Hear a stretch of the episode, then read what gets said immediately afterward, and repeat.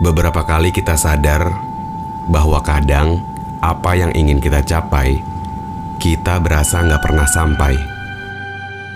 Sampai akhirnya badan kita yang terbengkalai. Kita tahu dunia bukan cuman punya kita. Dunia nggak berputar cuman buat kita aja. Tapi yang kadang lupa, badan kita juga punya masanya. Dia bisa aja capek, cuman kita nggak pernah respect. Sesekali kita cobalah istirahat, biar badannya tetap sehat. Kita mendarat Nggak apa-apa kalau kita dianggap telat. Toh semesta ada buat kita, ya nggak?